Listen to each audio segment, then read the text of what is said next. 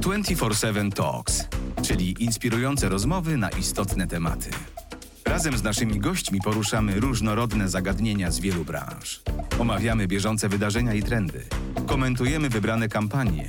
Mówimy o public relations i public affairs z różnych perspektyw. Zapraszamy na podcast 24/7 Talks. Cześć Michał. Cześć, cześć. Cześć. E, no to zacznę chyba jak prawdziwy radiowiec. E, moim Państwa gościem jest Michał Pisarski, dziennikarz, który pracował e, między innymi w Onecie, Newsweek Polska. Teraz prowadzi swój kanał na YouTubie Michał Pisarski Tech, a od końca 2020 roku również podcast Futura wraz z niejakim nieantyfanem Bartkiem Zawiszą. Czy coś pominąłem? Coś jeszcze warto dodać? Nie wiem, czy warto, ale ogólnie miałem bardzo dużo tych przygód, szczególnie około dziennikarskich, więc w sumie pewnie szybciej było powiedzieć, dokąd nie pisałem albo nie próbowałem pisać, ale jakby wszystko, co najważniejsze zawarłeś, bardzo dziękuję. Brzmi lepiej niż jest w rzeczywistości, a to jest najważniejsze. No, śledzę od jakiegoś czasu twój kanał i, i w sumie to jest tak, że nie wiem, jak cię nazywać. Czy, czy youtuberem, czy twórcą, bo zawsze było takie moje pytanie, e, czy, czy czujesz się bardziej youtuberem, czy twórcą, bo tworzysz dużo, tworzysz różne formaty, no i właśnie, jak wolisz, żeby cię nazywano? Albo w ogóle jak wolisz, jak, jak rozmawiacie tak w środowisku twórców czy youtuberów? Wiesz co, y, teraz skończyłeś to pytanie tak, że jest na nie troszkę trudniej odpowiedzieć, bo rozmawiamy rzeczywiście częściej o youtuberach, ale ja chyba wolę twórca, jako że po pierwsze za 10 lat, jak będzie coś innego, nie chciałbym być przedstawicielem martwego zawodu, y, a po drugie i tak jak mówiłeś, robię troszkę też inne rzeczy około, tak jak ten podcast, który jest na YouTubie, ale to też nie jest nasza główna ścieżka dotarcia do ludzi i chciałbym robić wiele innych rzeczy, na które póki co nie mam czasu, no ale to zamykanie się mm, władcę YouTuber y, jest takie troszkę ograniczające. Mimo, że YouTube'a kocham całym sercem i jest to tak specyficzna platforma, że rzeczywiście przenosiny się kiedyś na coś innego, gdzie coś innego miało być główną formą działalności, na pewno będą bardzo ciekawe, trudne i niezależnie od tego, jaką się ma w tej chwili widownię, to będzie zaczynanie od zera i błądzenie we mgle. A myślisz, że coś za chwilę y, zastąpi YouTube? No, widzimy bardzo dużą popularność TikToka, krótsze formaty. Zresztą sam YouTube wprowadza formaty short, gdzie, gdzie cały czas gdzieś y, eksperymentują z tymi rozwiązaniami. Mhm. Myślisz, że y, będziemy dążyli do tej krótszej formy, e, czy, czy, czy jednak ta długa forma kilkunastu, kilku minut zostanie? Wiesz co, wydaje mi się, że to troszkę leci w dwie strony, bo rzeczywiście wśród y, tej młodzieży, do której my już na, niestety nie należymy, chociaż jak ja oglądam jakieś seriale, zawsze się bardziej identyfikuję z tymi uczniami liceum, którzy chodzą na imprezy, mimo że w tej chwili jest mi do nich tak samo blisko jak do y, ich rodziców.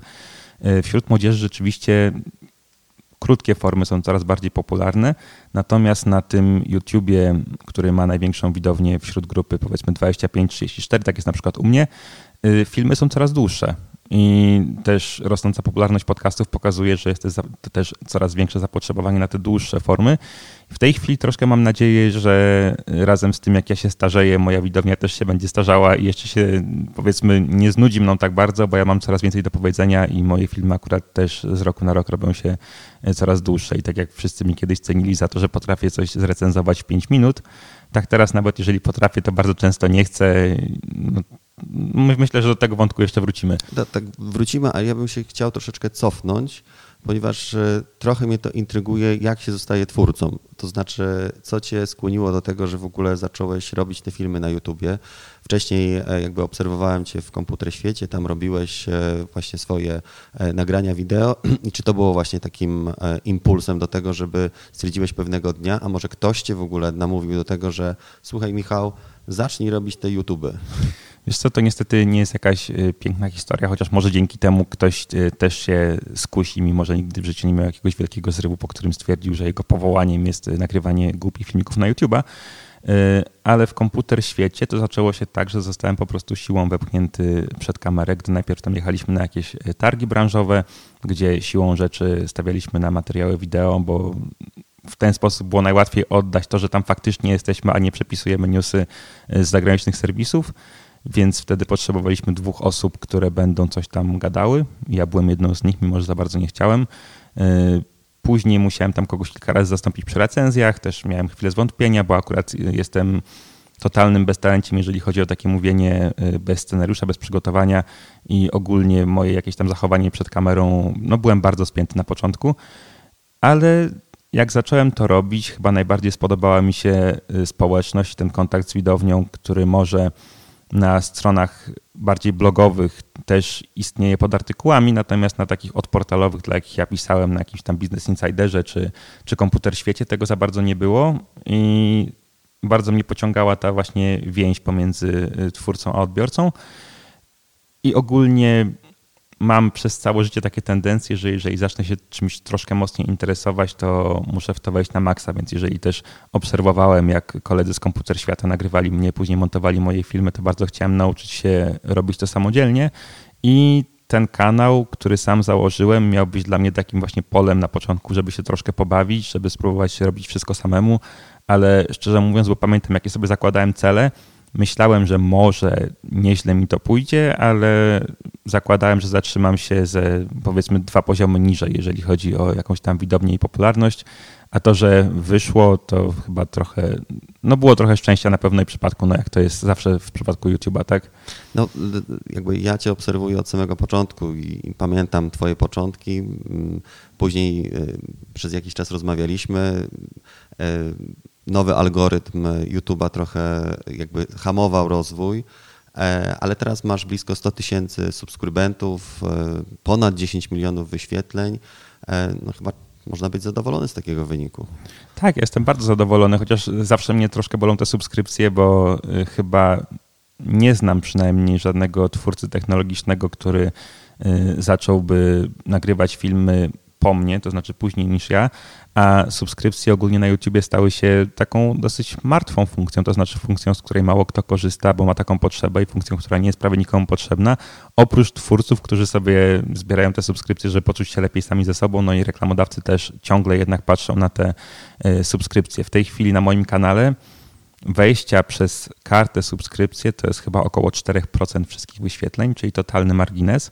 Kiedyś ludzie rzeczywiście eksplorowali sobie te swoje subskrypcje, ja wciąż to robię, no ale w tej chwili te algorytmy działają w ten sposób, że y, odbiorcy automatycznie zakładają, że jeżeli wychodzi coś, co ich zainteresuje, czy jeżeli twórca, którego regularnie oglądają, coś wypuści, to oni to po prostu zobaczą na stronie głównej, a ta subskrypcja nie jest im do, do niczego potrzebna. Więc to zbieranie subskrypcji jest teraz troszkę trudniejsze, ale jeżeli chodzi o same wyświetlenia, odbiór moich filmów, to jest tak jak, y, może nie zawsze, ale tak jak od dłuższego czasu marzyłem. Przepraszam w ogóle, że ten taki wielki monolog robię, ale tutaj jest dygresja za, za dygresją, wątek za wątkiem, bo miałem właśnie taki moment w zeszłym roku, kiedy zaczęła się pandemia y, i kiedy siłą rzeczy nie mogłem za bardzo wychodzić na zewnątrz, nagrywać przebitek. Kiedyś mi też bardzo zależało, żeby te filmy były atrakcyjne wizualnie, bo się interesowałem i wciąż się interesuję samą technologią y, nagrywania wideo i samą jakąś taką, no powiedzmy, konstrukcją scen i całym tym zapleczem wizualnym. I było to dla mnie bardzo ważne. W zeszłym roku musiało to dla mnie przestać być ważne, bo po prostu nie miałem jak tego robić. Nie miałem też swojego studia, moje mieszkanie się wybitnie nie nadaje do nagrywania, jest mm, małe i po prostu. Mm, nawet jeżeli coś wygląda ładnie w rzeczywistości, to prawdopodobnie, jeżeli nie jest przemyślane pod to, to będzie kiepskie do, do nagrywania wideo. W związku z czym mm, postanowiłem sobie troszkę przewartościować to, co chcę robić i to, na czym mi na, naprawdę zależy. I postawiłem bardziej na formę tego, co robię, jeżeli chodzi bardziej o jakieś tam budowanie historii, opowieści y, i relacji z widownią. To działało, bo wtedy mi kanał dużo bardziej odpalił. I właśnie moim takim głównym punktem, założeniem, marzeniem było to, żeby ludzie oglądali mnie bez względu na to, o czym akurat zrobię film. Żeby to nie było na zasadzie, że jeżeli każdy chce mieć na przykład iPhone'a i jest premiera nowego iPhone'a, to film się obejrzy dobrze, ale jeżeli zrobię film o, nie wiem, słuchawkach niszowej marki, to już nikt go nie obejrzy, bo się nie wyszuka, bo ludzie nie chcą tego kupować. Więc ja generalnie staram się nie robić filmów tylko dla ludzi, którzy rzeczywiście chcą coś kupić, e, dlatego też, że no przy okazji są też takie kwestie, że jeżeli na przykład, nie wiem, Paweł Mobsil, dla którego bardzo cenię, działa na tym rynku już od ponad 10 lat, każdy go zna, każdy wie, że jest rzetelny, więc jeżeli ktoś w wynikach wyszukiwania zobaczy obok siebie jakiegoś tam pisarskiego i Pawła, osoba, która na przykład, której Paweł pomógł już wybrać pięć urządzeń przez ostatnie 10 lat, no to wiadomo, że nie kliknie we mnie. Y, no i teraz widzę, że rzeczywiście niektóre filmy się oglądają lepiej, niektóre gorzej, ale nie mam takich przypadków, że jeżeli mówię o czymś, co jest niszowe, to, że te wyniki będą dużo niższe. I to jest chyba coś, z czego jestem najbardziej dumny, że udało się zrobić. No właśnie wspomniałeś o tym kontakcie z, z widownią. E, ostatnio nawet widziałem na Twoim Instastory, jak e, zada, zadawali Ci pytania i Ty odpowiadałeś na te pytania w swój taki e, zabawny sposób, taki lekki.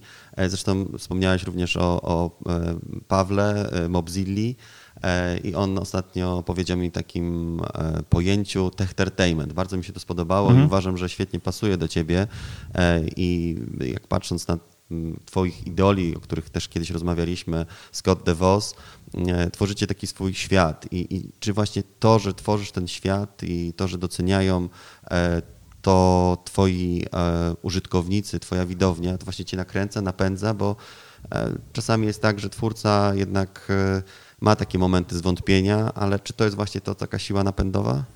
Tak, chyba tak. Wiem, że wielu twórców przestaje w pewnym momencie odpowiadać na komentarze i często też je czytać, bo rzeczywiście i oczywiście czasami pojawiają się takie, po których odechciewa się żyć, ale no dla mnie ten kontakt z widownią to, tak jak już mówiłem, jest coś, co mnie w ogóle skłoniło do y, nagrywania regularnego na YouTube'a, więc ja tam chyba w zeszłym roku dostałem jakiś raport od YouTube'a, taki końcowo-roczny, gdzie tak jak są te raporty Spotify, oni pokazują jak kilka jakichś randomowych statystyk. Dowiedziałem się, że odpowiedziałem chyba na 5,5 tysiąca komentarzy z tego co pamiętam. W związku z czym to jest między 10 a 15 dziennie chyba, więc bardzo ładnie, ale staram się to robić, staram się odpisać nawet głupie dzięki, jeżeli ktoś napisze mi coś miłego, bo ja też sam wiem, jak ja reaguję na to, jeżeli y, skomentuję coś mojemu idolowi Senpajowi z zagranicy, a on mi zostawi serduszko, to po prostu ustawia mi y, dzień na cały dzień, że tak powiem. Więc jeżeli to komuś poprawi humor, to ja jestem z tego powodu jeszcze bardziej szczęśliwy. I tak jak już zacząłeś ten temat, bardzo, bardzo doceniam, y, kiedy ludzie wyłapują różne smaczki, które umieszczam w filmach, czasami nawet sam dla siebie, czasami trochę z nadzieją, że ktoś zauważy i kiedy to się rzeczywiście dzieje. Nie wiem, kiedyś powiedziałem, że nagram, nie pamiętam już przy jakiej okazji, ale że nagram film Top 10 ryb głębinowych i ludzie potem się tego uczepili i czekają aż nagram ten film, więc zrobiłem taki 10-sekundowy fragment y, fejkowego filmu o rybach głębinowych, który nieraz pokazuję na ekranie smartfona, kiedy przeprowadzam jakiś test. Yy, I wiesz, ludzie to widzą i się pytają, gdzie jest ten film, dlaczego on jest prywatny i w ogóle to jest bardzo fajne. No Sporo z takich sytuacji. No easter eggi to jest w ogóle coś, coś niesamowitego, ale e, chciałem wrócić do, do, tego, co powiedziałeś, bo ja też e, no, mam taką tendencję, że czytam komentarze e, i, i pod twoimi filmami jest bardzo dużo pozytywnych komentarzy, ale zawsze w tej właśnie beczce miodu znajduje się ta łyżka dziegciu i, i czasami ludzie no, nie są mili. Jak w ogóle ty sobie radzisz z tym czasami z takim, takim negatywnym podejściem, czy, czy wręcz czasami hejtem, a może y, po prostu jakby nie zwracasz na to uwagi i bierzesz pod uwagę tylko te merytoryczne y, komentarze? Wiesz co, ja pracowałem w tych serwisach od onetowych i od portalowych, więc jeżeli, mm, tak jak wszyscy właściwie wchodziłeś kiedyś na te serwisy, to doskonale wiesz, jaki tam panuje poziom komentarzy, więc dążyłem się troszkę uodpornić. Natomiast rzeczywiście czasami się zdarzają takie sytuacje, kiedy coś mnie zaboli, ale zwykle to nie jest wtedy, kiedy ktoś mi napisze, że nie wiem, jesteś głupi, czy twoje żarty są nieśmieszne. Okej, okay, ale nie wiem dlaczego bardzo mnie bolą takie sytuacje, w których ktoś mm, powiedzmy nie zrozumiał przesłania mojego filmu czy czegoś, co powiedziałem i przekonany o własnej wyższości e, zaczyna mi pisać, jak to właśnie jestem idiotą, ponieważ coś tam, coś tam, coś tam, e, gdy w rzeczywistości mi chodziło o coś zupełnie innego. Nie wiem, to jest może jakiś kompleks. Boję się takiego niezrozumienia. Najbardziej mnie boli, jeżeli ktoś nie do końca kuma o co mi chodzi i jest przekonany, że z tego powodu jestem jakiś głupi czy, czy gorszy od niego. Oczywiście zdarzają się też komentarze w stylu, że po prostu nie wiem, mam wkurzający ryj, ale do tego już zdążyłem przywyknąć i na to zupełnie nie zwracam uwagi. No chyba nie należy przywyknąć do takiego rzeczy, ale, ale życzę Ci Michał, żebyś miał jak najwięcej tych pozytywnych i merytorycznych komentarzy, bo, bo to jest najważniejsze. E, chciałem Cię jeszcze zapytać o taką rzecz, która no, wydaje mi się czasami irytująca dla takich profesjonalnych twórców, bo mm, patrząc na, na YouTube'a, tam czasami znajdują się takie głupie filmiki, które mają po kilka milionów wyświetleń e, i, i czasami patrząc czy jeżeli patrzysz na takie filmiki, czy nie wiem, nie czujesz jakiejś pewnej irytacji, że, że to jest w zasadzie taki no, mało wartościowy content, a ma, nie wiem, 3 miliony wyświetleń, a ty spędzając no właśnie kilka, kilkanaście godzin na zrobieniu jednego filmu, no nie wiem, masz 30 tysięcy wyświetleń. Wiesz co, raczej nie. To znaczy do pewnego momentu rzeczywiście tak było. Później sobie uświadomiłem mm, i zacząłem na pocieszenie myśleć, że przecież nie wiem, chociażby w telewizji też raczej oglądają się e, mniej ambitne treści i jeżeli nie rywalizuję z kimś jakby o ten sam rodzaj widza, no to nie boli mnie to, że ktoś, y, zawsze przywołuję ten przykład, kopiąc drugą osobę w tyłek na ulicy i publikując to jako prank ma 3 miliony wyświetleń, no bo te 3 miliony osób prawdopodobnie no, nie polubiłyby się za bardzo z moimi treściami. Więc wiesz, to, to, że jest wyższe zapotrzebowanie na coś innego, z tym się już pogodziłem, to mnie jakoś specjalnie nie boli, więc w tej jakiejś tam swojej niszy, tak, chciałbym bardzo trafić do wszystkich osób, którym to, co robię, mogłoby się spodobać, ale sam fakt, że ta grupa nigdy nie będzie miała 10 milionów osób, zupełnie mnie nie boli. No tak, ale y, patrząc też na reklamodawców, na wyświetlenia, y, to jakby to się chyba jakoś przekłada te miliony wyświetleń na to, że taki twórca, a raczej tutaj w tym momencie powinien powiedzieć youtuber, e, no, no dostaje większą garzę. No bo czy, czy, czy teraz takie moje pytanie, czy z samego YouTube'a da się wyżyć, e, czy, czy jednak wymaga to jakiegoś większego wsparcia ze strony sponsorów i e, no, jak to u Ciebie wygląda? Wiesz co, jeżeli pytasz samego YouTube'a pod tym kątem, że z tych słynnych wyświetleń, czyli hajs z internetu, hajs z YouTube'a, to nie bardzo. To znaczy, to jest kwota, która byłaby fajna, jeżeli na przykład ktoś sobie studiuje, mieszka w akademiku, robi YouTube'a i ma takie wyniki jak ja. Super praca zamiast bycia gdzieś tam kelnerem. Natomiast y, jeżeli koszty wzrastają, jeżeli prowadzi się normalne życie, to te stawki wyświetleniowe w Polsce są dosyć niskie. Mimo tego, że y, w branży technologicznej podejrzewam, że i tak mamy jedne z najwyższych na całym YouTubie, ponieważ tam bezpośrednio wpływamy na decyzje zakupowe ludzi. Elektronikę też się kupuje troszkę częściej, czy tam gry, niż załóżmy samochód.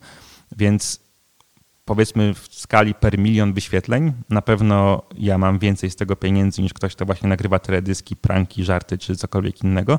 To jest spoko, aczkolwiek mm, w Polsce w dużej mierze wciąż trzeba polegać na tych sponsorach co zupełnie wygląda na przykład w Stanach Zjednoczonych. Ja też widzę, że jeżeli mamy jakieś wejścia ze Stanów, to te współczynniki CPM tak zwane są znacznie, znacznie wyższe. I z tego co wiem, z tego co opowiadali jacyś na przykład twórcy, których cenię i w Stanach mają po 100 tysięcy wyświetleń, oni są w stanie już żyć właściwie tylko z tego i, i to jest ok. U mnie tak to nie wygląda, ale mam właśnie ten komfort, że, że jest Greencell, jest Computronics, teraz ostatnio są y, Mobile Vikings, czyli marki, które też jakby cenię na tyle, że byłbym w stanie i nawet robiłem to wcześniej, polecać je prywatnie, y, nawet jeżeli one mi za nic nie płaciły. I nie wymagają ode mnie niczego konkretnego. To też bardzo sobie cenię przy wszelkich współpracach. Jeżeli ktoś ufa, że ja znam swoją widownię na tyle, że jestem w stanie wymyślić coś, co bardziej do niej trafi, niż jakiś tam suchy brief, który dostanie 20 youtuberów, więc czuję się bardzo szczęśliwy z tego powodu, że mam takich, a nie innych sponsorów i że właściwie de facto mogę po prostu robić swoje, plus y, raz na dwa tygodnie powiedzieć 15 sekund o jednym czy o drugim, wyświetlić ich logo i to jest już dla nich ok i oni widzą jakieś z tego wyniki i dla mnie jest ok, bo w żaden sposób to nie wpływa ani na flow, ani na merytorykę moich filmów, więc jakby nie narzekam. A to, że jakiś youtuber, który ma tam 2 miliony subskrypcji będzie zarabiał więcej, no okej, okay, no zawsze ktoś zarabia więcej. Ja jakby mam z czego żyć, plus mm, ostatnio powiedzmy wiedzie mi się na tyle dobrze, że jeżeli mam jakieś marzenie, żeby zrobić film, teraz na przykład wrócę z naszej rozmowy i będę kończył materiał o najdziwniejszych kontrolerach, kontrolerach do gier, to rzeczywiście jestem w stanie kilka takich kupić i pokazać i później ich nie sprzedawać, bo lubię sobie zbierać takie śmieci, e, albo kupić sobie jakąś starą konsolę, dzięki, dzięki Mobile Vikings właśnie i pieniędzy z tej naszej wspólnej serii zrobić sobie tydzień retro i wydać na to powiedzmy, nie wiem, 1500 złotych i to sobie może stać, nawet jeżeli nie będę tego zbyt dużo używał, więc ja jestem szczęśliwy. No może za 30 lat sprzedasz taką konsolę, albo tak jak ostatnio... Tak mówię żonie, tak? Tak, tak, zapakowaną y, grę Mario. Y, teraz warto ma na przykład kupić jakąś na przykład Zeldę czy coś i trzymać przez 30 lat i za 30 lat ma jakieś 800 tysięcy dolarów można na tym zarobić. Te, teraz y, dygresję małą zrobimy, ale właśnie wydaje mi się, że mnóstwo osób zyskało tę świadomość i wydaje mi się, że za kolejne 30 lat wszystkie portale aukcyjne będą Y, że tak brzydko powiem, zasrane kolejnymi kopiami Mario z 2020 roku. Y, I że te czasy, kiedy rzeczywiście ktoś przypadkiem coś tam zostawił na dnie szafy, bo miał dać komuś na święta i zapomniał, już niestety nie wrócą. E, to Michał, a ostatnio były takie badania dotyczące tego, kim młodzi ludzie chcieliby zostać w przyszłości. 48%, jeżeli dobrze pamiętam, dziewczyn w wieku 13-15 lat skazało, że chciały być influencerkami. Mhm. Czy uważasz, że zawód influencer to jest zawód przyszłości, czy, czy uważasz, że jednak ta, ta ścieżka powinna być trochę inna, to znaczy mieć najpierw pasję, a dopiero później e, stać się influencerem, twórcą, youtuberem, bo e, jakby, czy, czy, czy, to jest dobra droga? Mhm. Znaczy, wiesz, y, jeżeli chodzi o to, czy w ogóle influencer, influencing jest zawodem, to jest też trochę Y, trudna kwestia. Zresztą wydaje mi się, że mimo, że na przykład, ja na przykład jestem bardzo zadowolony ze swojej pracy i samo to, że nie wiem, 50 tysięcy osób się uśmiechnie, jak obejrzy mój film, czegoś się dowie tydzień w tydzień, jest dla mnie wystarczająco takie satysfakcjonujące, no to zdaję sobie sprawę, że jeżeli, nie wiem, sytuacja na świecie się pogorszy, no to raczej długo nie zostanę na liście płac i prawdopodobnie będę musiał zacząć robić coś innego. Natomiast, no, młodzi ludzie, młodsi ludzie zawsze mieli jakieś takie troszkę często nierealistyczne marzenia i chcieli robić coś, co dane jest robić bardzo ograniczonej grupie ludzi.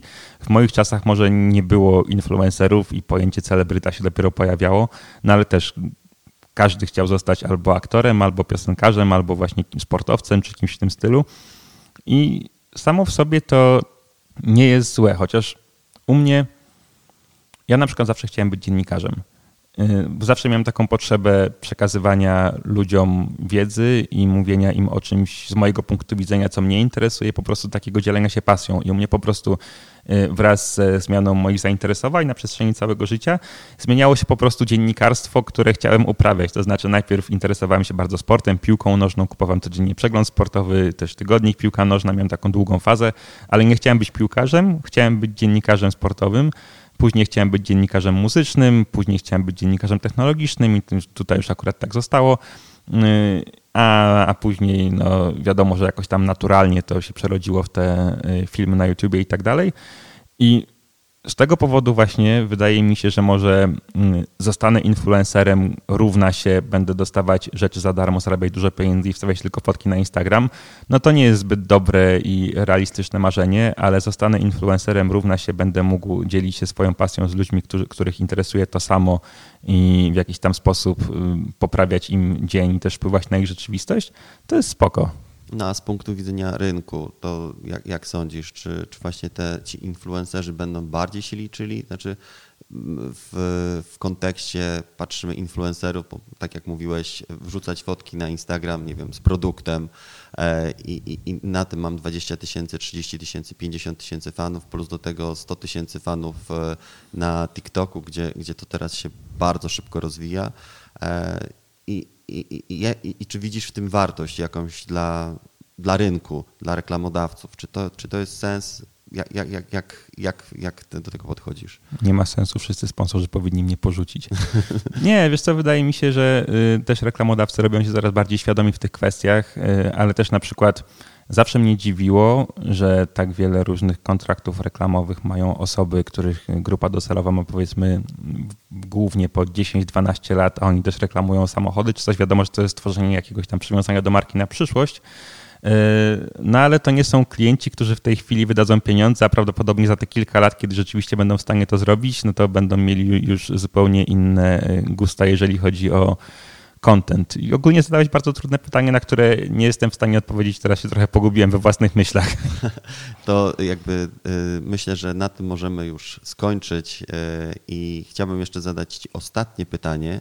E, czego mogę Ci życzyć oprócz zdrowia i no, powiedzmy miliona subskrybentów, chociaż nie wiem, w kontekście tego, co powiedziałeś na samym początku, to po prostu dużej liczby wyświetleń. Mhm. E, czego ci mogę jeszcze życzyć? Jest to chyba takiego dobrego work-life balance, bo mimo, tego, że robię to, co kocham i to, co zawsze chciałem robić, sprawia mi to olbrzymią przyjemność to często się łapie na tym, że nie dość, że powiedzmy tą taką y, piękne polskie, staropolskie słowo y, korową działalnością y, zajmuje się powiedzmy często po 12-13 godzin dziennie, plus troszkę mi uchodzi z weekendów, no to jeszcze ciągle czytam komentarze, ciągle przeglądam jakieś aukcje na eBayu w poszukiwaniu ciekawych sprzętów i brakuje mi czasami takiego odcięcia się zupełnie. To życzę Ci w takim razie tego odcięcia i więcej czasu dla siebie i może e, momentów, w których będziemy mogli porozmawiać jeszcze o komiksach. Także dzięki Ci serdecznie. E, moim Państwa gościem był Michał Pisarski, Michał Pisarski Tech, twórca. Zapraszam serdecznie, łapki w górę. Dzięki serdecznie, Michał. Dzięki wielkie. Dziękujemy, że byliście dzisiaj z nami. Do usłyszenia w kolejnych odcinkach podcastu 24/7 Talks.